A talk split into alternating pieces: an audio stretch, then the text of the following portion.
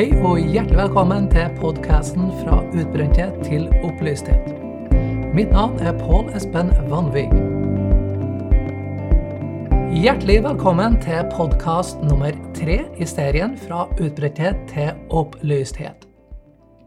Og I dag så skal vi snakke om et uh, særdeles uh, spennende, men på den andre sida et veldig vanskelig tema, nemlig forandring. Og i utgangspunktet så kjenner du sikkert til, sånn som meg, at um, når vi blir bedt om å endre oss, eller vi har behov for å endre oss, så er det særdeles vanskelig.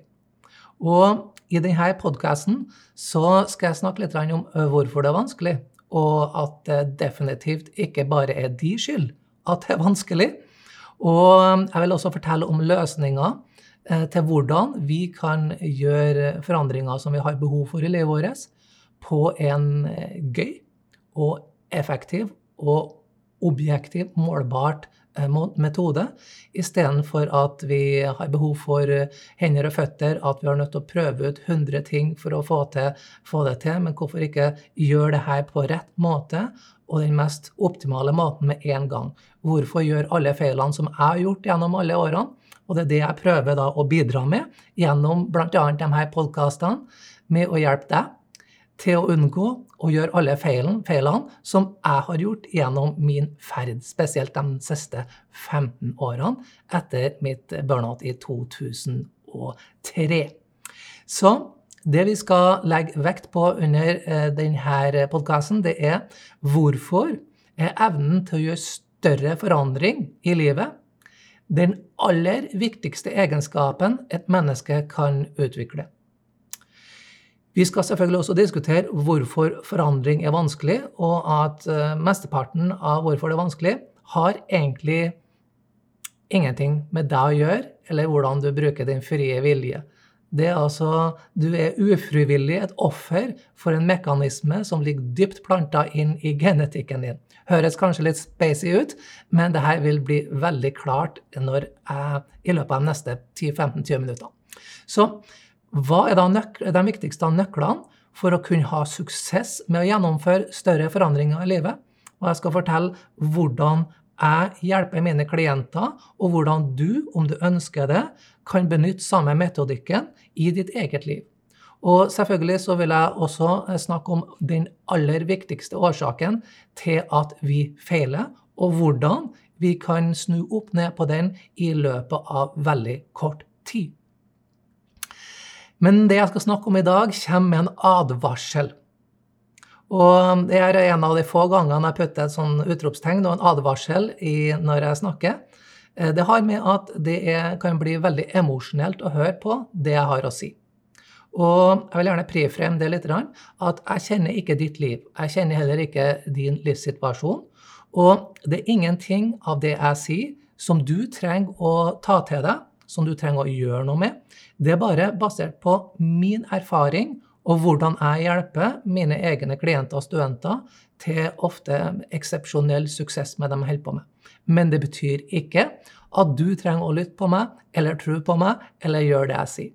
Så vær så snill og ikke føl noe behov for å føle, føle deg provosert, fordi at jeg snakker om dette temaet på en eh, generell overflatemåte og siden jeg ikke kjenner din spesifikke situasjon, så kan du også la det her gli rett gjennom ørene dine og ikke gjøre noe med det.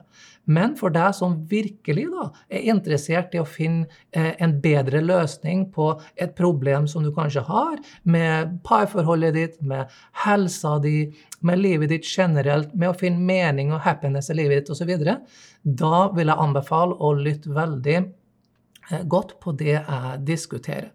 For det her er ingenting jeg har eh, lest i bok, eller som jeg har kanalisert, eller som jeg har drømt. Det her kommer gjennom mer enn 20 000 erfarings- og, og, og utdanningstimer. Så det er altså velprøvde eh, mekanismer som jeg skal diskutere, som selvfølgelig ikke er den første som har prata om i verden. Of course ikke. Så vår største utfordring altså, det er det her med endring. Og jeg har stilt meg spørsmål om hvorfor er det sånn at så mange mennesker eh, mislykkes med forsøkene på endring. Altså, du har kanskje starta med nyttårsforsett, ikke sant? og etter ei uke eller to uker, kanskje tre uker, så har man gitt opp. Og du er ikke alene, fordi at 95% av dem som setter nyttårs, nyttårsforsett på nyttårsaften, de har mislyktes med sine nyttårsforsett innen de første 14 dagene. Og det vil si altså at vi har ofte ikke noe problem med å starte opp et prosjekt, men det å gjennomføre noe som betyr endring, at vi skal begynne å endre dietten vår, at vi skal begynne å kanskje trene litt, eller at vi skal begynne å endre en annen atferd vi har, det er altså særdeles vanskelig. Og det er ingenting som de fleste klarer bare ved å ta en kanin opp av hatten og si oi, nå skal jeg endre dietten min. Nå skal jeg slutte å spise karbohydrater. Og det er ingen problem å slutte å spise gluten, og ingen melk heller. Nei, jeg kan jo ete som en sånn kanin, ikke sant? Og det er absolutt ingen problem for meg. Vel, det er veldig få som har de her enkle måtene å omgås med livet sitt. For meg er det definitivt ikke sånn. Eh, jeg syns det er aldeles pyton enkelte av de her endringene som jeg starter i gang og tester ut, f.eks. med diett. Det er en av de mest pytonne tingene jeg går. Fra å ha mye karbohydrater, så skal jeg plutselig da ikke ha noe karbohydrater. For et mareritt. Ok, Så her stor forståelse. Og hvis du har utfordring med det her, så kan du eh, tenke at eh, jeg har hatt i hvert fall like mye utfordring med forandring som du har. Og med forandring, da, mangel på forandring eller mangel på evne på å endre oss, eh, leder også da til f.eks. når vi har problemer på jobben vår, eller med sjefen, eller med partneren vår, eller med økonomi, eller med helsa, eller til å finne tilbake til mening og happiness og sjelen vår. Så uten at vi er i stand til å endre noe, dvs. Si altså, så blir jo da situasjonen som den har vært, den, fortsetter også i framtida. Så lidelsen altså fortsetter uten at vi er i stand til å finne ut hva er det vi trenger å endre, hvordan skal vi endre det, hva er den mest optimale måten, osv. Hvordan eksakt vi gjør det her. Og jeg har eh, også da eh, et, et, et, et, litt formildende omstendigheter her, det er at din egen eh, utfordring med å endre deg, det er ikke bare de skyld. Og mer om det senere. Så hvorfor, da, i mine øyne, er evnen til å gjøre eh, forandringer, og da tenker jeg spesielt på større omstillinger eh, i livet, den viktigste egenskapen et menneske kan utvikle. Jo, det var som jeg var inne på i stad, det at hvis du har et kjøretøy eller hjul ikke sant, som ikke er i stand til å endre seg, så vil det bare stå stilt. ikke sant? Da vil det ikke kunne transportere seg fra punkt A til punkt B. Det vil si altså, for at et hjul eller et kjøretøy hele tatt skal kunne flytte seg fra A til B, så må det være i stand til å gjøre forandring. Hjulet må være i stand til å endre seg, til å flytte på seg, til å endre vinkel, til å rulle. ikke sant? Og det her er jo selvfølgelig banalt. Men når vi kommer tilbake til argumentasjon, så er det viktig å også diskutere det grunnleggende banale i mine øyne. Det vil si altså, det er ikke et kjøretøy som kunne ha flytta oss fra A til B uten at det har vært i stand til å gjøre endringer. Ikke bare med hjulene, men i motoren, ikke sant, forbrenninga osv. osv. Vel, det samme gjelder jo for oss mennesker også. F.eks. Med, med, med sykdom, og i dette tilfellet som et eksempel med utbrenthet. Utbrenthet, hvis vi ikke er i stand til å gjøre endringer, fortsetter jo å bli utbrenthet. Og da snakker ikke jeg bare om vår atferd, men jeg snakker like mye om fysiske faktorer. Fordi at hvis kroppen din da hvis en av årsakene til at du f.eks. er utbrent eller sliten, er da at eh, det er altfor mye subklinisk informasjon i kroppen din, vel, da vil ikke da hormonsystemet ditt og metabolismen funke nok, som igjen vil føre til at, at krepssyklusen, som da fôrer mitokondriene dine med ATP, altså energi, ikke kan være bra nok. Og det vil si altså den naturlige flyten og rytmene i den biologiske delen av deg vil ikke kunne funke optimalt uten at det er i stand til å flytte på seg og røre på seg.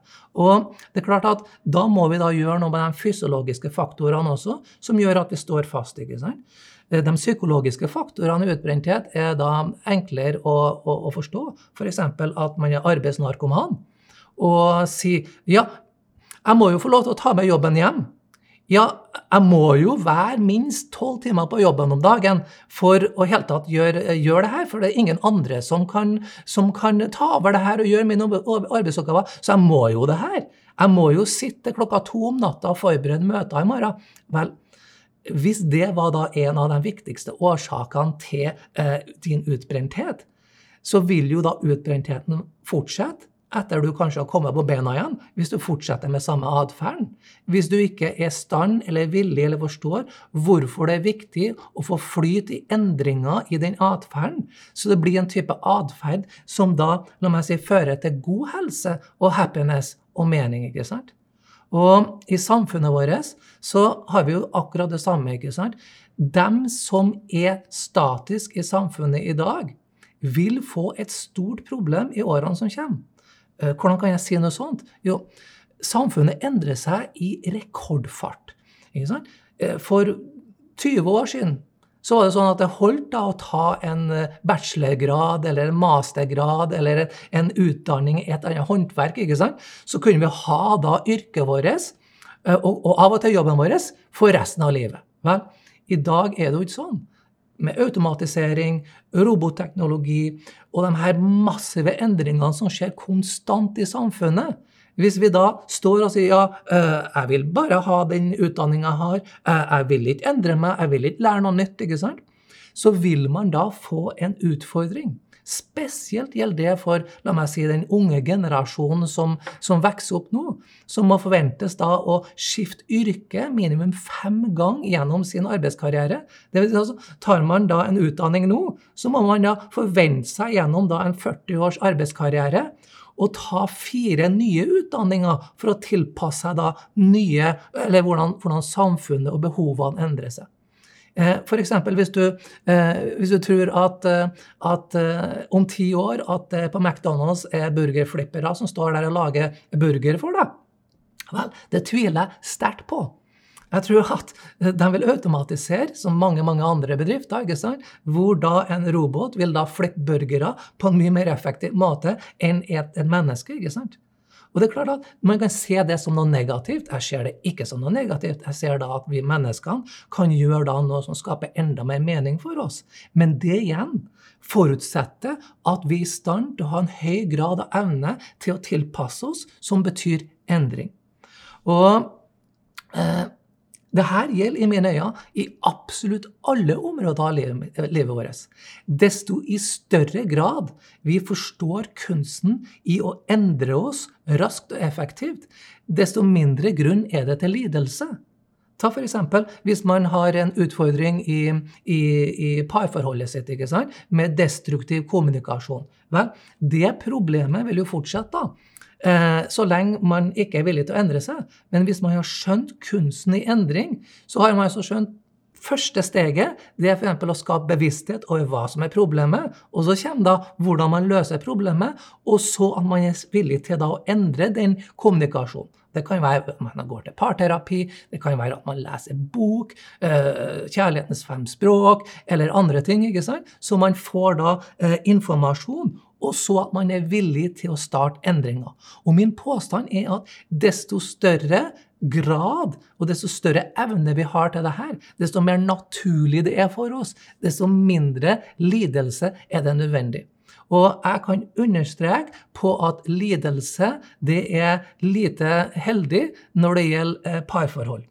Um, I gamle dager, før mitt burnout, så var jeg horribel i mine parforhold. Altså, Det var typisk at uh, man ble kjent med jente, og så flytta man sammen et år. Første året supert, ikke sant? Andre året uh, nøytralt. Tredje året veldig vanskelig. Så var det stopp. Halvår uten partner, og så var jeg en ny partner, osv. Så videre. sånn gikk det i sykluser. Og når jeg kom da til, til, eh, til min lærer Walter Lubeck i 2004, så sier han at OK, du kan fortsette sånn som det her, og da er sannsynligheten stor da, for at det her vil repetere seg i sykluser videre i livet ditt også.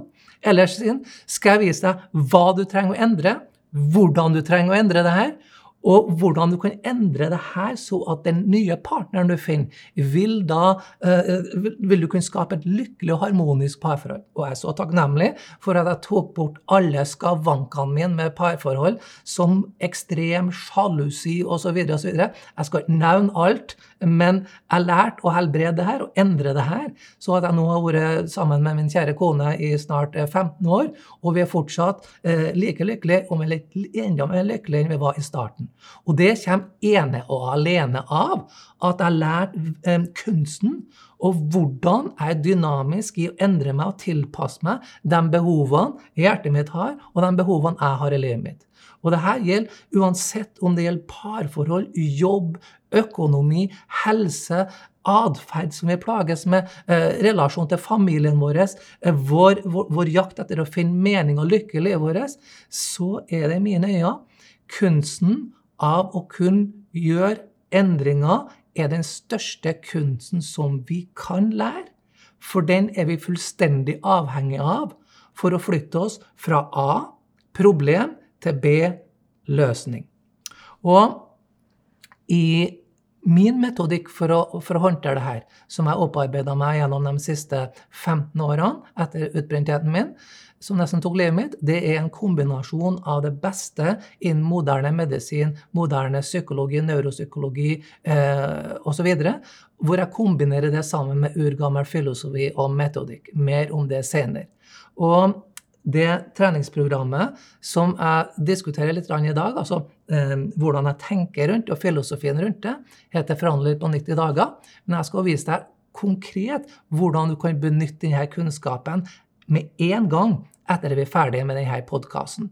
Og eh, som ingeniør da, så er jeg veldig fokusert på å systematisere eh, arbeidet med personlighetsutvikling og også spirituell utvikling, istedenfor at det blir tilfeldighet. Og I forrige podkast snakka jeg om hvordan jeg hjelper utbrente ut av utbrenthet. Og Hvis du ikke har sett den podkasten, så får du et godt innblikk i hvordan jeg tenker på en systematisk måte for å kunne skape objektive, målbare resultat. Og Jeg vil også anbefale at du går inn på vanvittig.no slash eh, skråstrek podkast og ser alle de her intervjuene jeg har gjort med, med mine studenter rundt denne tematikken. For det er en ting hva jeg sier for noe. Det er kanskje enda in mer interessant å lytte på hva dem som har vært gjennom der, har opplevd med det jeg snakker om i denne podkasten. Så hvorfor er forandring så vanskelig? Det er det første som jeg vil snakke om. Og for det første så vil du se at eh, det i utgangspunktet ikke er din skyld at du har problem med å gjøre forandringer eller mislykkes med forandringer. Men jeg skal vise hvordan du bryter ut av denne onde sirkelen. Og vi er også nødt til å se på vår hjerne, og ikke minst på hvordan genetikken vår er lagt opp. Og hjernen vår eh, er jo et resultat av en lang utvikling. Det var ikke sånn at uh, vi var ferdigutvikla og dumpa rett ned på jord her ferdigutvikla. Uh, det er jo noe som da har gått gjennom uh, mange mange hundretusenvis av år, millioner av år. ikke sant? Og hjernen vår har gradvis utvikla seg. Og den har altså et visst sett med mønster og en viss sett av genetikk som styrer en del av atferden vår. Og først, da, så vet vi at hjernen vår er involvert i absolutt alt det vi gjør. ikke sant? Altså Din hjerne er involvert i hvordan du tenker, hva du tenker, hva du føler. Eh, sansene dine er med å, å styre, ikke sant? hvordan du kommuniserer, eh, avgjørelsene du tar, handlingene du tar, karakteren din, personlighet, atferd, intelligens, læring, planlegging, gjennomføring osv. osv. Hjernen din er involvert i absolutt alt det du gjør. Så hvis hjernen din da ikke klarer å omgås med ting på en konstruktiv måte, så har man et problem. Og eh, Bruce Lipton da, i boka The Biology of Belief er en av mange spesialister som hevder at eh, underbevisstheten vår er den største delen av oss med hensyn til hva som styrer atferd vi har. Og han sier da i boka si at den bevisste delen av hjernen din har kun kontroll på mindre enn 1% av din atferd. Vil si altså at mesteparten av atferden vår og tankene våre og hva vi da handler etter, det er noe som foregår i den underbevisste delen av hjernen vår. Og hvis du søker litt på det her, så finner du mange mange, mange forskere og spesialister som da beviser hvorfor det er sånn som det her. Og en annen eh, dyktig eh, lege og spesialist, som er neuroforsker, det er dr. Joe Dispenza. Og han har gjort så massivt med forskning innen hjernen og det underbevisste. Og han hevder da at det er kun 0,0001% av oss som er bevisst. Resten foregår som prosesser i underbevisstheten vår. Vel, om, om, det er 0,0001% eller om det er 1% eller 5% spiller i utgangspunktet ikke så mye rolle. Men det er viktig å forstå at en stor del av den atferden du har, og spesielt da problematisk atferd som skaper lidelse i livet ditt, er styrt av underbevisstheten din, som du ikke har bevisst kontroll over, selvfølgelig. Og det vil si altså mesteparten av det vi tenker, kommer gjennom ikke hva du tror du bestemmer deg for å tenke, men som et resultat av preginga du har hatt gjennom oppveksten din og foreldrene dine og mønstrene du er tillært til hvordan samfunnet har prega deg, osv., osv. Dette er jo noe som blir mata inn som, som programmer i underbevisstheten vår fra vi er født, eller til og med før vi er født, i, når vi ligger i mora sitt liv. ikke sant? Så det er viktig å forstå at det her er altså um, noe som går på automatikken til de fleste menneskene. Mesteparten av lidelse til de menneskene jeg kommer i kontakt med, som studenter og klienter, det er altså ikke en lidelse som de velger sjøl men ofte en lidelse som på, um, som et resultat av at man automatisk lever ut pregingene man har, som da er, um, sitt, um, har sitt fotfeste i underbevisstheten din.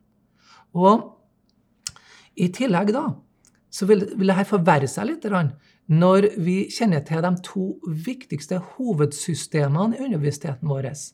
Og det vil si altså eh, Vi kan si at underbevisstheten vår funker som et slags operativsystem, eh, som Windows eller MacOS eller lignende ting. ikke sant? Og der har vi en del funksjoner som da er relatert til overlevelse, genetikk, biologi osv., som da surrer og går på automatikken. Og de har altså utvikla seg gjennom evolusjon, og begge systemene har som mål å spare energi gjennom å ta den enkleste veien og beskytte mot fare. Og de ser sånn ut. Den første delen av de her automatiske grunnprogrammeringa til hjernen vår, det er repeterende program. For at hjernen ønsker å spare energi.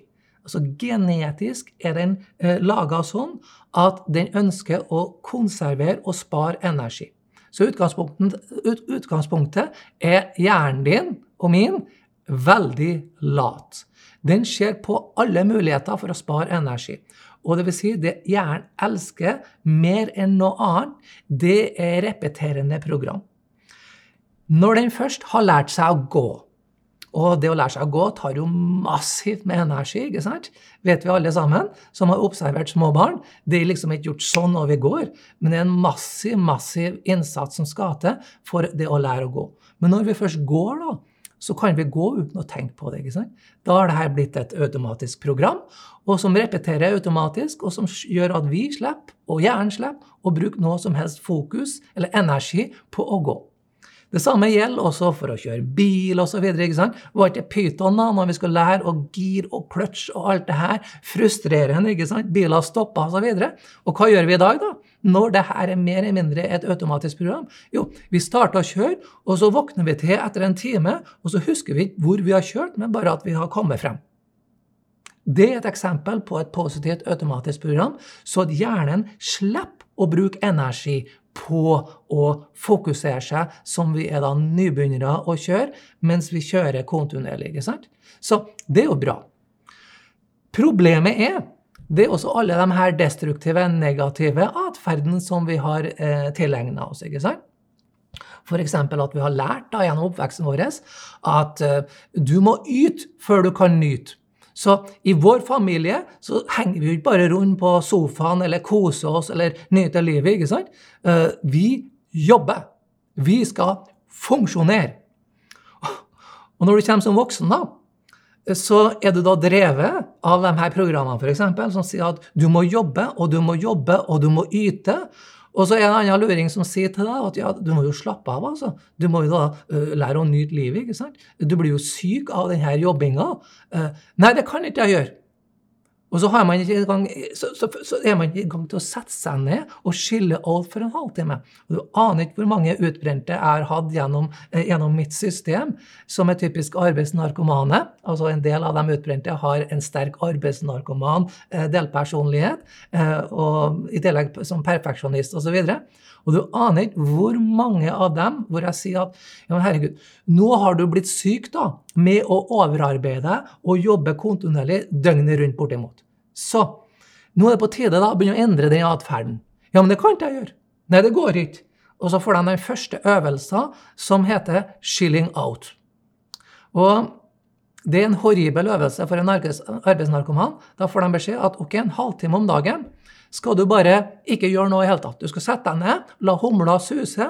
Du skal ikke planlegge, du skal ikke meditere, du skal ikke gjøre noe som helst. Du skal bare sitte og relaxe og observere eh, flua på veggen. Og så langt så har jeg aldri opplevd en arbeidsnarkoman som er i stand til å gjøre mer enn fem minutter av det her i starten, før de blir crazy. Det her er jo misbruk av tid. ikke sant? Du ber meg sette meg ned en halvtime, jeg har jo så mye å gjøre. Og det her kan ikke jeg gjøre, det er horribelt, meningsløst. Og så blir de av og til forbanna på meg for å fortelle dem at de skal gjøre noe sånn idiotisk. ikke sant? Så det var et eksempel på en destruktiv innpreging som de har lært livet, gjennom livet, som hjernen surrer på automatikken, som ikke bevisstheten har helt tatt grep rundt, og som skaper lidelse. Så det vil si altså at 99 eh, av den atferden som vi har, hvis vi ikke da aktivt har jobba med personlighetsutvikling og andre ting, er mer eller mindre automatisk atferd som vi en, gang, en eller annen gang har lært inn, og som surrer og går av seg sjøl. Og det andre type program som universiteten da har, altså det andre viktige programmet, det er selvfølgelig beskyttelsesprogrammer som gjør at vi i det hele tatt kan overleve. At når det kommer en bil, så hopper vi unna så ikke biler kjører, kjører, kjører, kjører over oss. ikke sant? Og utfordringa med det her, da, det er så inngrodd hele greia at hjernen i utgangspunktet hater å bruke energi på endring. For det ønsker å spare spare energien sin for alt det er verdt. Og da har vi da hjernen vår å jobbe mot da, når vi f.eks. har behov for å endre diett for å gå ned i vekt. Og det er ikke bare bare. Men i utgangspunktet så er det altså ikke de skyld at du har problemer med endring, men det som vi stiller spørsmålet, det er følgende. Det er at hjernen din er altså satt opp for først å kunne gjøre større endringer når den absolutt må. F.eks. du er utsatt for en eller annen eksistensiell krise som i gamle dager, ikke sant, når da uh, man ikke hadde nok mat til å overleve, så gira hjernen inn ikke sant, og fant da løsninger på hvordan vi kan um, jakte mer effektivt gjennom f.eks. å ha spyd og pil og bue og sånne ting. Men det er først når hjernen er satt under krise, f.eks. en eksistensiell, krise, at den ut ifra seg sjøl er villig til å pumpe inn massiv energi til å finne og gjøre, utføre endringer. Og eh, mange som opplever en eksistensiell krise, som jeg gjorde når jeg nesten døde i 2003 av mitt burnout, så var det liksom eh, var motivasjonen der, og energien der ja, Energi vet ikke jeg som jeg jeg hadde, men motivasjonen til å finne, gjøre endringer, den var i hvert fall eksepsjonell stor, men kun ut ifra at jeg var satt under en eksistensiell krise. Både i livet mitt, at jeg var da, følte meg som en, som en syk 80-åring. ikke sant? Jeg hadde ikke energi til noe som helst så er man så desperat at man da eh, er stort sett villig til å, til å, gjøre hva enn det er et menneske som har kunnskap, sier til deg at du bør gjøre. Så det vil her vel være et problem, da, hvis vi hele tida må oppsøke en eksistensiell krise for å være, være i stand til å kunne gjennomføre større endringer av livet vårt ut ifra områder vi lider. Så det er da selvfølgelig eh, mulig å gjøre det uten å må gå inn i ekstrem krisesituasjoner. For vi kan også bruke da kunnskap og vår bevissthet til å endre på det her. Så spørsmålet i seg sjøl er altså hvordan tar vi bevisst kontroll over våre automatiske, destruktive, negative eller begrensende atferdsprogrammer i underbevisstheten som begrenser oss og skaper unødvendig lidelse. Det er jo det som er spørsmålet her. Og det er jo den løsninga vi trenger. ikke sant? vi, vi, vi, vi, trenger ikke å, å, bli fortalt at ja, det eneste måten du kan gjøre en radikal, radikal endring i dietten din, å gå fra masse karbohydrater og pizza og lekkeli og alkohol ned til da en, en, en ketogen diett, kanskje, som du har null karbohydrater, eh, vil jo være da, la meg si, eh, rimelig eh, umulig. Eh, Skjedde fra hjernens synspunkt om å spare energi. Så vi trenger også andre mekanismer for å kunne ta denne kontrollen tilbake. Og til sjuende og sist da, så handler det jo om å utvikle og lære å benytte rommet til den frie viljen. Problemet er at dette rommet til den frie viljen da, den er bortimot ikke-eksisterende i mange aspekter av livet vårt. Ta et eksempel her. Eh, du sitter og kjører bil, stopper ved et lyskryss, og så er det noen som kjører inn her bakfra, som da ikke har skjedd det her, men som da uh, scratcher lakken din. Eller lager en liten bulk i, i, i bagasjeluka di. Og det er altså impulsen her, ikke sant? Og du renner ut da, ikke sant, og og skriker det her stakkars sjåføren som da har vært uoppmerksom og har da dunka borti deg i 10 km i timen og laga ledebulk, og skjeller det her mennesket opp og ned. Eh, og, og, og, ja, av, og, det som skjer ut av det her. ikke sant? Eh, det vil si altså, din reaksjon og handling er bortimot da automatisk. Det er ingen rom mellom impuls og handling hvor du kan tenke gjennom hva er det egentlig som en god måte å deale med det her på. Jeg har opplevd det her i gamle dager om igjen og om igjen. ikke sant? At noen har gjort noe eller sagt noe eller øh, til og med kjørt borti meg på et kjøpesenter, og jeg rent ut. ikke sant? Og edder og galle kom over det her stakkars mennesket. Vel, etter hvert som man lærer da å utvikle det her rommet mellom impuls og handling, som er det virkelige frie viljen vår Uten det her rommet så har vi ingen fri vilje. Da reagerer vi automatisk, ikke sant? Og desto mer vi utvikler dette rommet, desto lengre tid har vi på oss fra impulsen skjer, handlingen skjer, til at vi reagerer. Og da kan vi gjøre noe som kalles avbruddshåndtering. Trykke på pauseknappen, tenke gjennom ok, hva er det en sunn måte å, å, handle på i dette tilfellet. Så klikker vi på play-knappen og handler da ba, på bakgrunn av vårt kognitive selv og vår bevissthet og det valget som vi har tatt, istedenfor da å gjøre det her på automatikken. Og jeg skal nå gi et eksempel på hvordan vi bruker de tre første gullnøklene for å skape et bevisst opplyst sinn i denne prosessen. Og eh, den første gullnøkkelen for å utvikle denne eh, frie viljen vår, det er mestring av kunsten i å utvikle bevissthet. Alt starter med bevissthet. Bevissthet bygger, bevissthet bygger fundamentet for absolutt alt du ønsker å oppnå, og spesielt da ved hjelp eh, når du skal gjøre endringer. Uten å være bevisst på noe kan du verken se, berøre det eller forstå det. Og du kan heller ikke forandre det du ikke kan se. Det vil si altså at hvis du er et offer da for en destruktiv kommunikasjon med partneren din, og man bare tror at ja, sånn er det jo bare, og man lider under det dag etter dag etter dag, vel, da har vi ingen bevissthet rundt hva problemet er.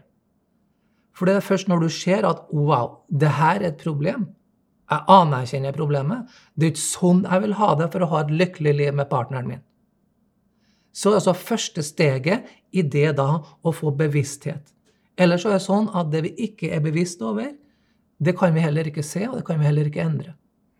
Så Utfordringa med det her, som vi snakka om innledningsvis, er at 99% av oss er da underbevisst atferd. Og kunsten er å utvikle denne 1 sånn at det blir mer og mer og mer, og mer, så vi har mer og mer kontroll, spesielt ut ifra destruktiv atferd vi har. Og destruktive ting som skaper problemer i livet vårt. Og jeg skal gi et ett eksempel på utvikling av bevissthet i, i denne podkasten. Og det kaller jeg 'Vi blir det vi mater hjernen vår med'. Og det sier seg sjøl at hjernen vår er altså en svamp på informasjon. Du kan se for deg at universiteten vår er som et uh, operativsystem, som Windows eller Mac, som blir da fora med informasjon som vi tar til oss. Fôrer du den med søppel, destruktive ting, vel, så kommer det også søppel i atferd, eller problematisk atferd. Eh, hvis man da f.eks.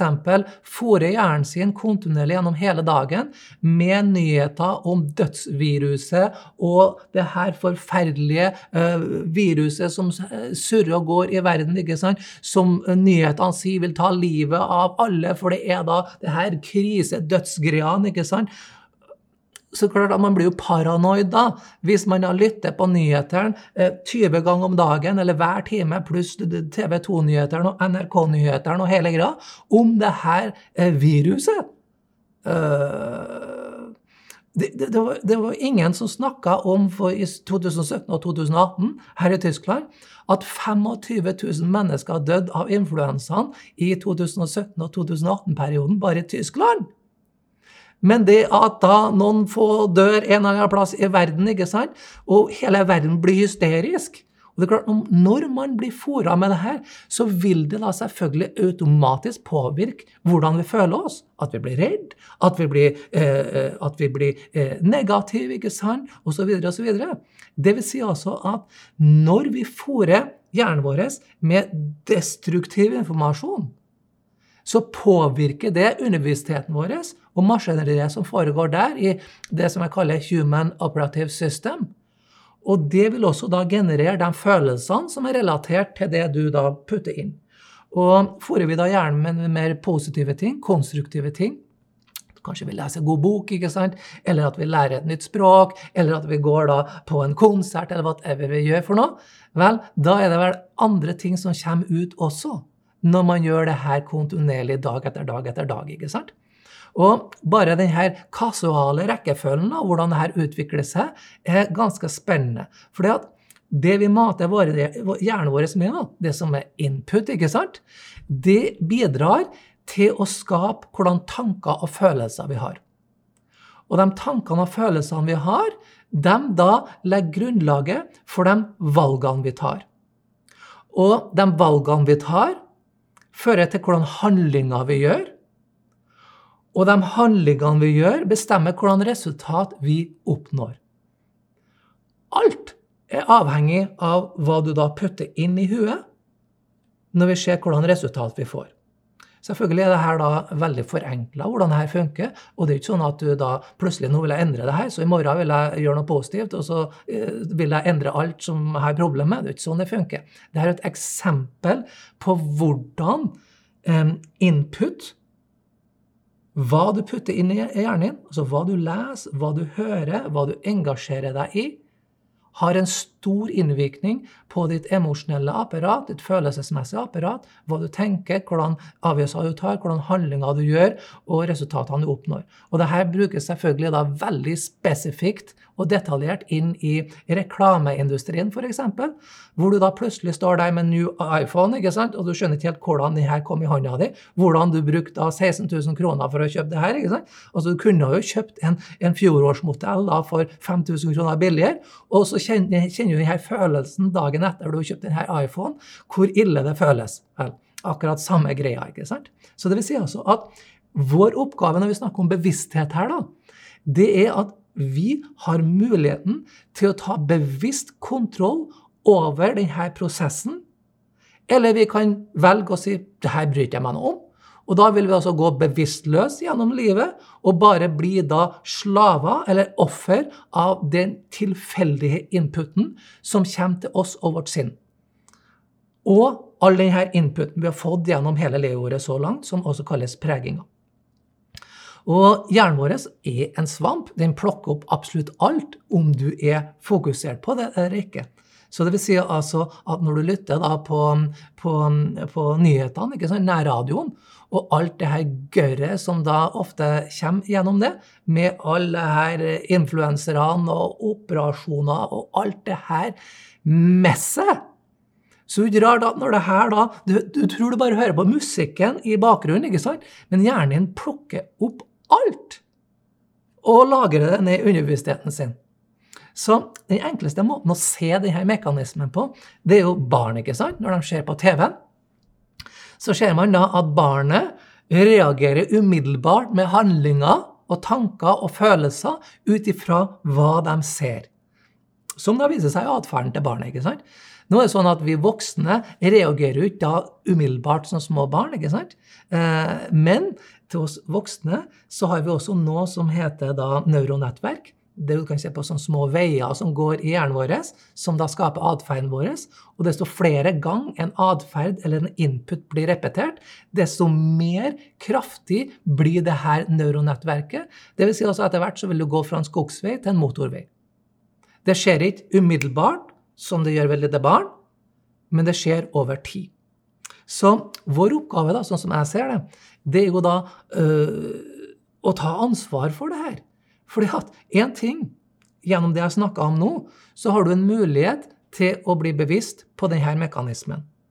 Så bevissthet er da det første steget, ikke sant? Og bevissthet skapes da ofte gjennom at man har en lærer, en veileder, leser bok, tar et seminar og andre ting. ikke sant? Eh, skaper man bevissthet. Vel, bevissthet er da det første, viktige steget. Så kommer det andre steget, når vi har skapt bevissthet. Som det her banale eksempelet som jeg ga med hensyn til hvordan vi fôrer hjernen vår med, med, med, med, Facebook og, og dagspressa og nærradio, alle det her eh, greiene som surrer og går automatisk rundt oss. Vel, det neste steget det er da at vi har muligheten til å ta selvansvar rundt bevisstheten vår. Det vil si altså, Derfor heter gullnøkkel nummer to mestring av kunsten i å utvikle selvansvar. Og det er da en av de vanskeligste tingene et menneske kan gjøre, nemlig når vi først er bevisst, det å ta selvansvar. Og det betyr å gjøre action. Det vil si altså at hvis vi ikke tar selvansvar, som betyr at wow, jeg ser at det her er kanskje ikke så optimalt, siden at jeg sliter med mange negative tanker. Jeg sliter med at jeg er, er, er depressiv. Jeg sliter med at eh, jeg har lite energi. Ehm, så har man altså muligheten da, til å ta ansvar når man er bevisst, gjennom å gjøre et forsøksprosjekt på hvordan er det for min helse å endre det her for 30 dager for å se om, her, om han her Vanvik da har rett i det han sier. ikke sant? Jeg skal komme tilbake på praktisk hvordan du kan teste ut det her. Så vi kan altså ikke forandre atferd som vi ikke tar selvansvar for.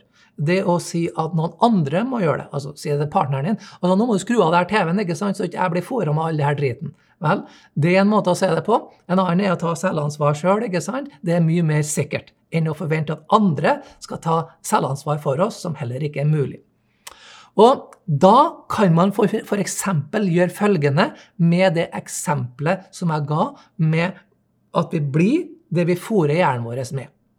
Og i tillegg så er det et uttrykk til. ikke sant? Vi blir det vi spiser. Men det eh, går mer i, eh, på den fysiologiske aspektene av oss. Så for de neste 30 dager nå kan du gjøre et testprosjekt hvis du vil ta utfordringa.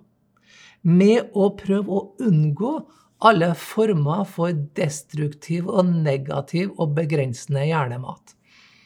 At du kanskje tar 30 dager med minimat med TV, såpeserier, realityserier, øh, nyheter, tabloidaviser, øh, nærradio, øh, det å surfe tilfeldighet på internett og Facebook. Og Prøv å la det da ligge for 30 dager, og prøv heller da å fòre hjernen din med noe som er konstruktivt. F.eks. som jeg, altså jeg kaller det 'mat ditt operativsystem med supermat'. Du kan lære en ny eh, ferdighet, ikke sant. Eh, kanskje du liker å male. Kanskje du eh, har mer kvalitetstid sammen med en samtalepartner, barna dine eller partneren din. ikke sant? Eller kanskje du bruker mer tid sammen med familien din. Kanskje du leser en god bok. Du lytter kanskje på et selvutviklingsprogram. ikke sant? Kanskje du mediterer, går på yoga eller gjør andre ting med den massive tida som blir til overs etter du kutter det her destruktive inputen til hjernen din. Og så fører du dagbok, hvor du starter med tilstanden din på dag null. ikke sant? Og du skriver ok, de siste månedene har jeg følt meg stressa, ikke sant? jeg har dårlig energi, jeg har problemer med konsentrasjonen min, det er altfor mye, osv. Så, videre. så skriver du statusen din. Og så skriver du litt i dagboka gjennom hver dag i de her 30 dagene med hvordan stressnivået er, hvordan energinivået, hvordan føler du, hvordan er evnen til å fokusere osv. Og, og det her høres jo da veldig sånn Ja, det her kan ikke være så viktig. Vel, samtlige av mine studenter og klienter de siste 15 årene som har gjennomført denne 30-dagersøvelsen, sier at de har hatt ekstreme resultater av noe så banalt som å prøve ut det her i 30 dager. Det gjelder både i, i velvære, i eh, hvordan de føler happiness, minsking av stress, minsking av frykt, mer overskudd, at man blir hyggeligere og triveligere, osv. osv. Jeg har aldri hatt en student eller klient som har gjennomført det her i 30 dager, som ikke har hatt eksepsjonelle resultat med livet sitt med en sånn banal øvelse.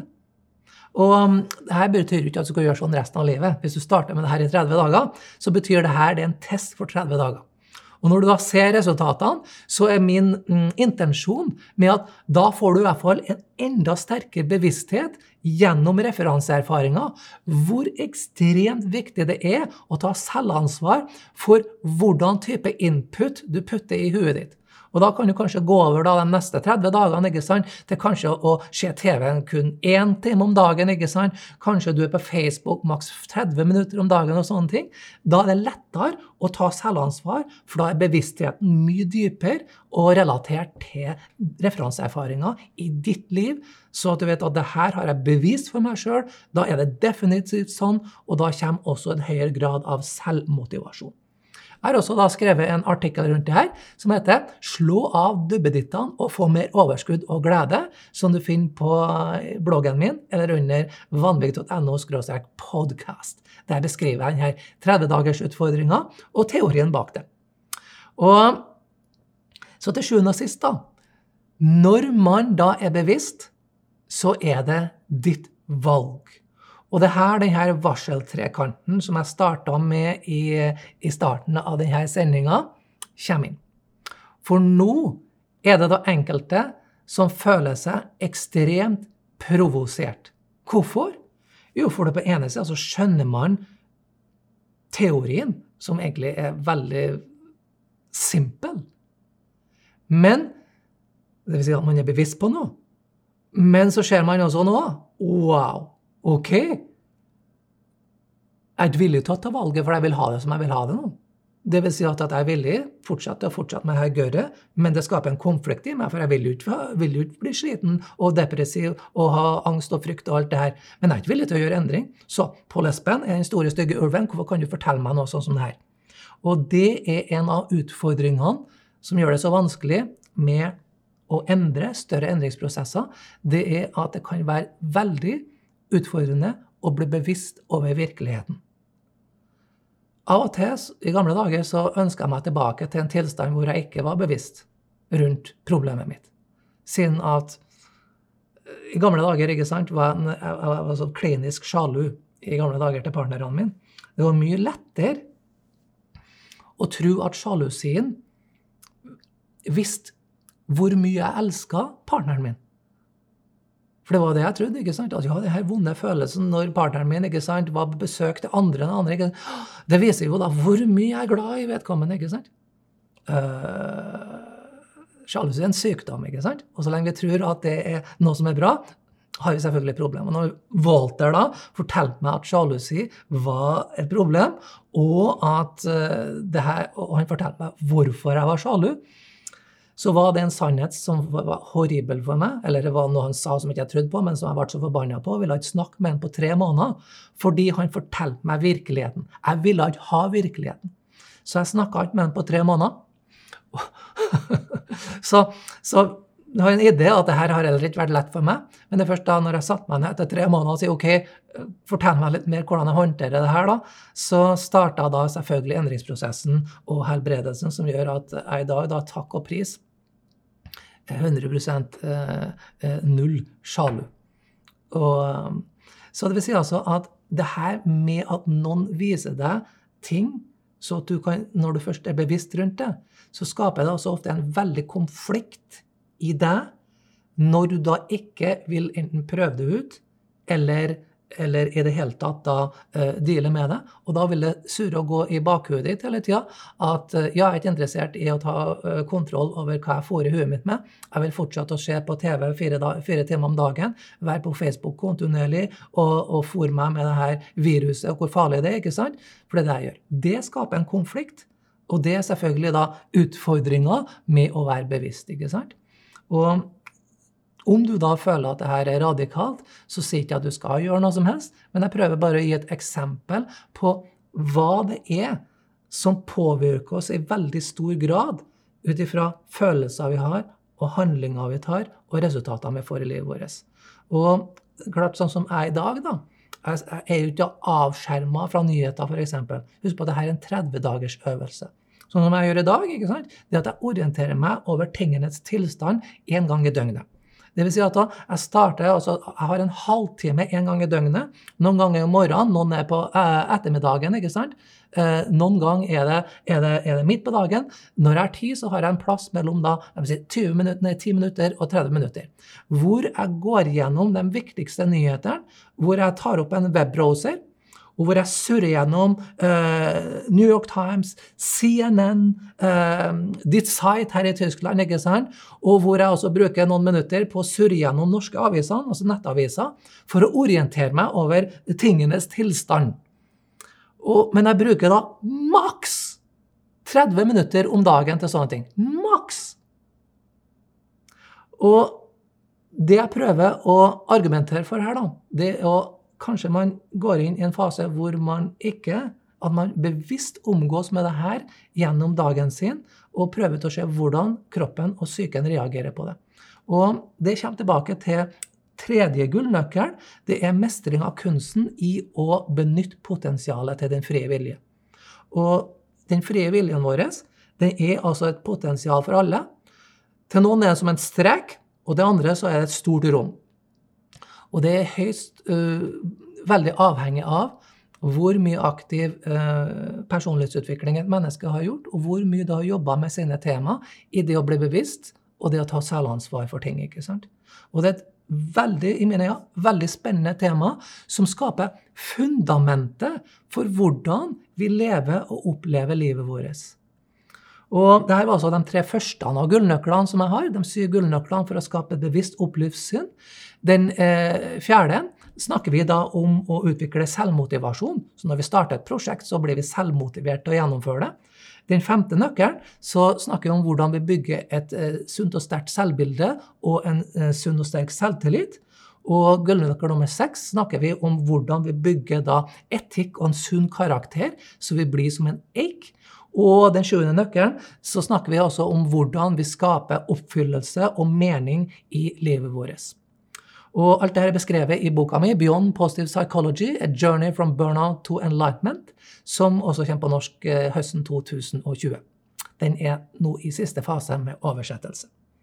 Og jeg bruker denne filosofien egentlig i alle aspekter når jeg hjelper klienter, og når jeg underviser i mine seminar. Hvor vi jobber F.eks. i Forhandler på 90 dager, så en stor del som handler om å hjelpe studentene med å finne bevissthet f.eks. rundt uh, hvis de er um, utbrent. ikke sant? Og da har jeg en bolk i det treningsprogrammet som heter FDL90 uh, eh, ut av utbrenthet-program. Hvor jeg går gjennom da ting vi trenger å bli bevisst over, hvordan vi analyserer problemene, hvordan vi ser årsakene til problemene, før vi i det hele tatt starter med å ta selvansvar og handling. Hvor bevissthet er supersentralt. Det samme gjelder i forbindelse med å få god søvn, hvordan vi finner mening og lykke i livet vårt, hvordan vi skaper en sunn økonomi, og osv. osv. Det samme grunnfundament som ligger i alle form for endringer i mine øyne. Og jeg oppfordrer til å gå inn på websidene mine under vanvittig.no podcast, og se noen av de her intervjuene jeg har gjort med studenter som har gått gjennom det her og erfart det her sjøl. Så det siste jeg vil snakke om, det er den viktigste årsaken til at vi feiler. Se her nå. Det at ja, vi forstår det her med bevissthet, vi forstår det her med selvansvar, vi forstår det her med fri vilje, men vi klarer fortsatt ikke å gjøre endringer.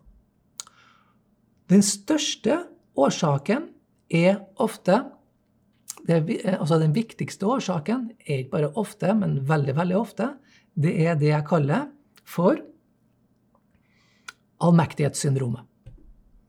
Allmektighetssyndromet det er noe som vi alle mennesker har i mer eller mindre grad. Og det betyr at vi tror vi vet noe som vi absolutt ikke vet. Vi tror vi vet noe som vi egentlig absolutt ikke vet noe om egentlig. Eller som vi ikke vet noe om virkeligheten. Vi tror.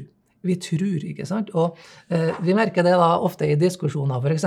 på TV-en, ikke sant? når såkalte spesialister eller leger eller eh, møtes og klenker sammen ikke sant? i det her ville kaoset og såpeoperaen som ofte er, det at alle sammen tror de har sannheten virkeligheten så er det veldig få av dem som egentlig har sannheten i de fleste tilfeller. Man har bare kunnet dele av sannheten. Men man tror man da har hele sannheten. ikke sant? Og det her eh, er det som eh, hindrer oss mest i livet vårt. Og eksempel meg, da. Så var det en av tingene jeg trodde, at jeg måtte jobbe. ikke sant? Jeg var arbeidsnarkoman og trodde at det var den eneste tingen som kunne gjøre at jeg kunne skape nok økonomi til å overleve. Det at jeg måtte jobbe kontinuerlig. Vel, det har selvfølgelig ikke noe med virkeligheten å gjøre. For det går an å legge opp et liv uten at vi jobber døgnet rundt og være happy og lykkelig og ha nok økonomi for det. ikke sant? Men når, så lenge jeg tror at dette er sannheten om noe som jeg egentlig har en fjerneste, ringeste aning om, så har vi selvfølgelig et problem. Vil si altså at man går da inn i sin egen fantasiverden, som da ikke stemmer med virkeligheten, og man tror at sånn er det, og da er man i da det ultimate hamsterhjulet som da vil fortsette å være et hamsterhjul, helt til man da er villig til å kanskje få et kick til å gå ut av det hamsterhjulet. Og i ernæring så finner vi igjen det her samme temaet veldig ofte, ikke sant? med at um, eh, eh, mange har en stor utfordring med å endre ernæringa si. Ikke sant? Når man er kronisk syk, så er det mine øyne et must å optimalisere ernæring siden kronisk sykdom ofte er relatert til inflammasjon, og da må vi ta, ta bort f.eks. det som kan skape inflammasjon av maten, f.eks. For, for mye karbohydrater osv. osv. Men hvis man da har et allmektighetssyndrom rundt diett og sier at nei, jeg trenger ikke det. Jeg må jo få spise burgeren min og Grandiosaen min og alt det her. ikke sant? Må jo ha rett til det. Og jeg må få lov til å kose meg og spise det jeg vil. Og alt det her om det her diettgreiene, det er bare tull. Vel,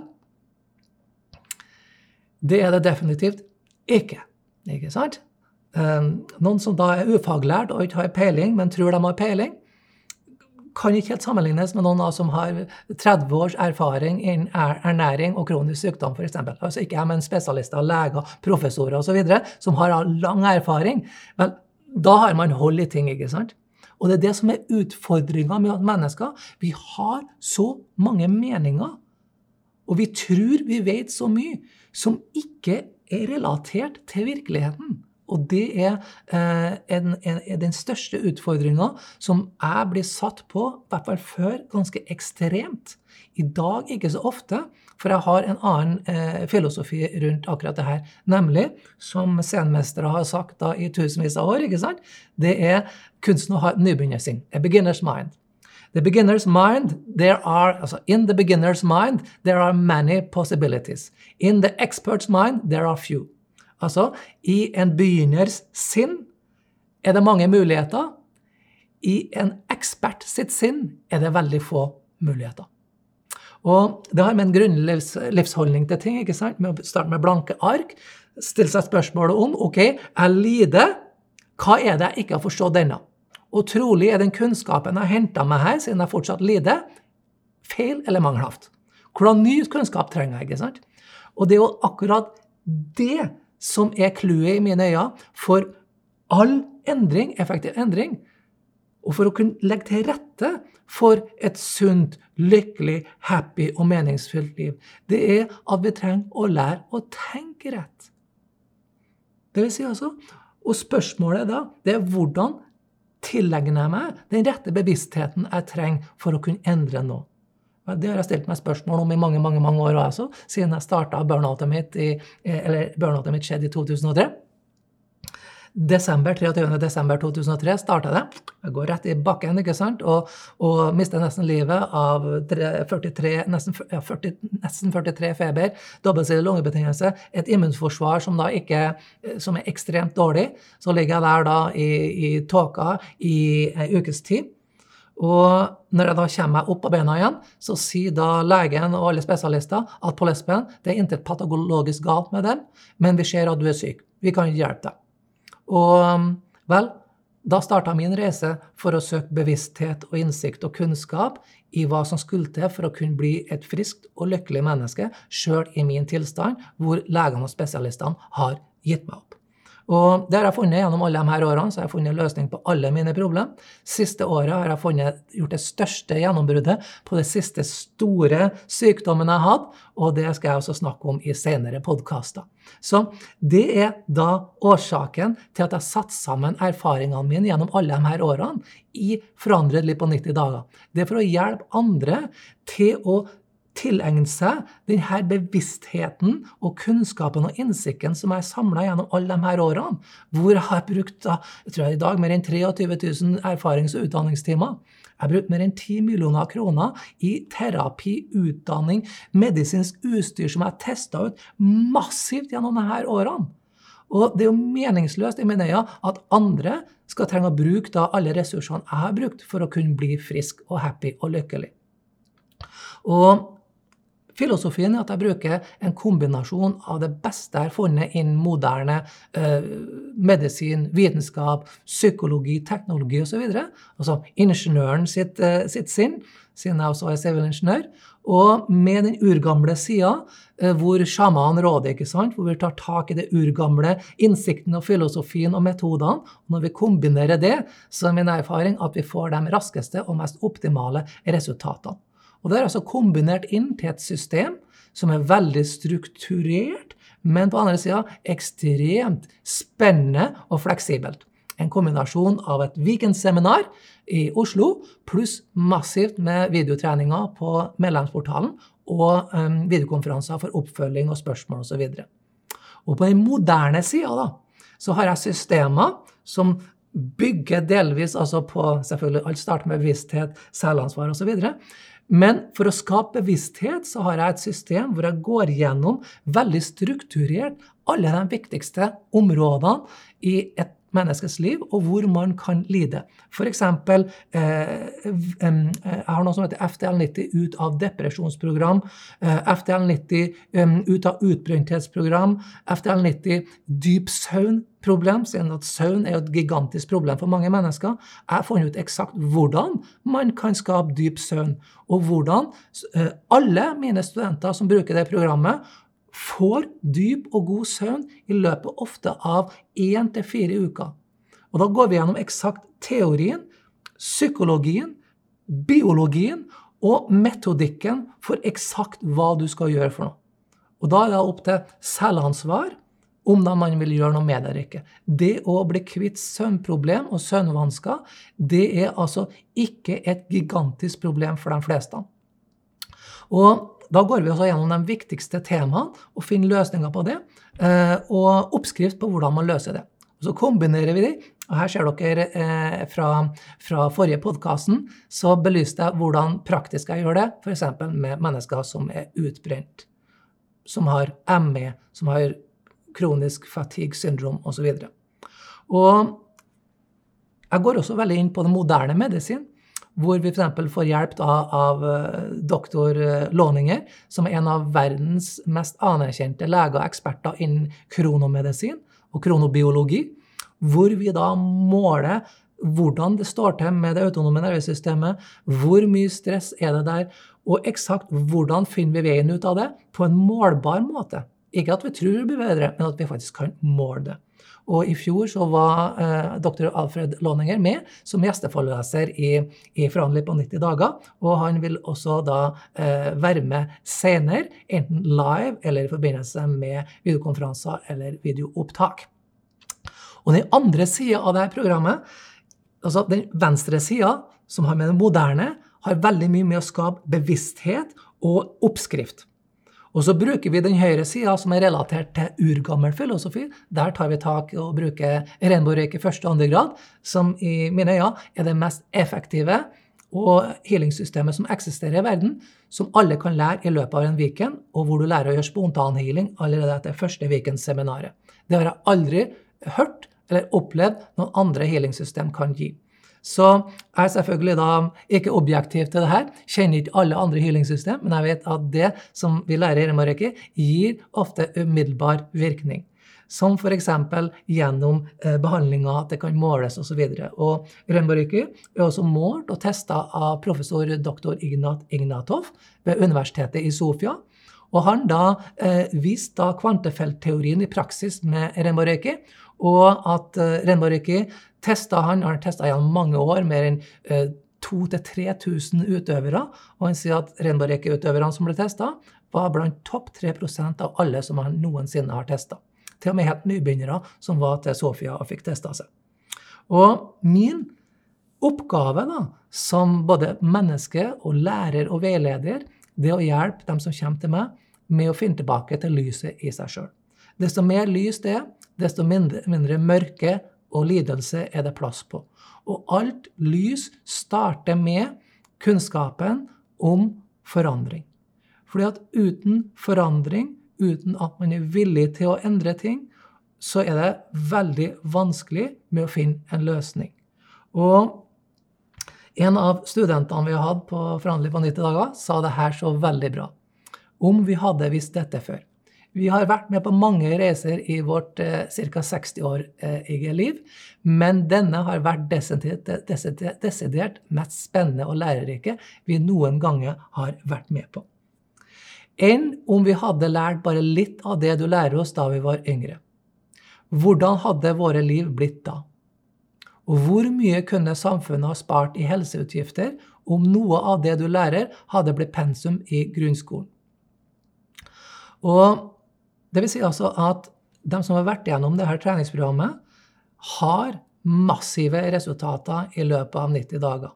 Og min påstand er at selv om du ikke er med å lære det her, så kan du med å bruke det jeg har vært gjennom i dag, bare med å teste ut det her med nyheter og bevissthet og selvansvar eh, ut ifra eksempelleger, så kan du oppleve massive resultater i livet ditt kun med å gjøre det.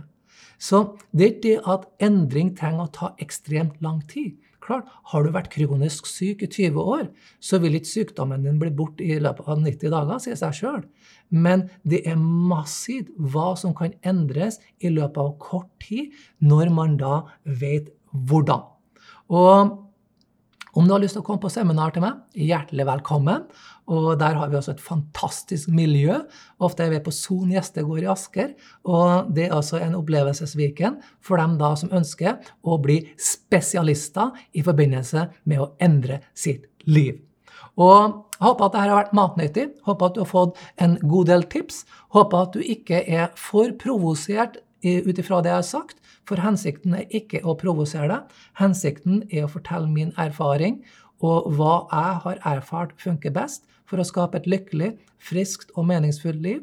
Og du gjør selvfølgelig akkurat det du ønsker og vil med det jeg snakker om. Og det er din liv, det er din frie vilje, og jeg ønsker deg uansett lykke til. Uansett hva du måtte velge å gjøre med livet ditt. Ha det riktig bra.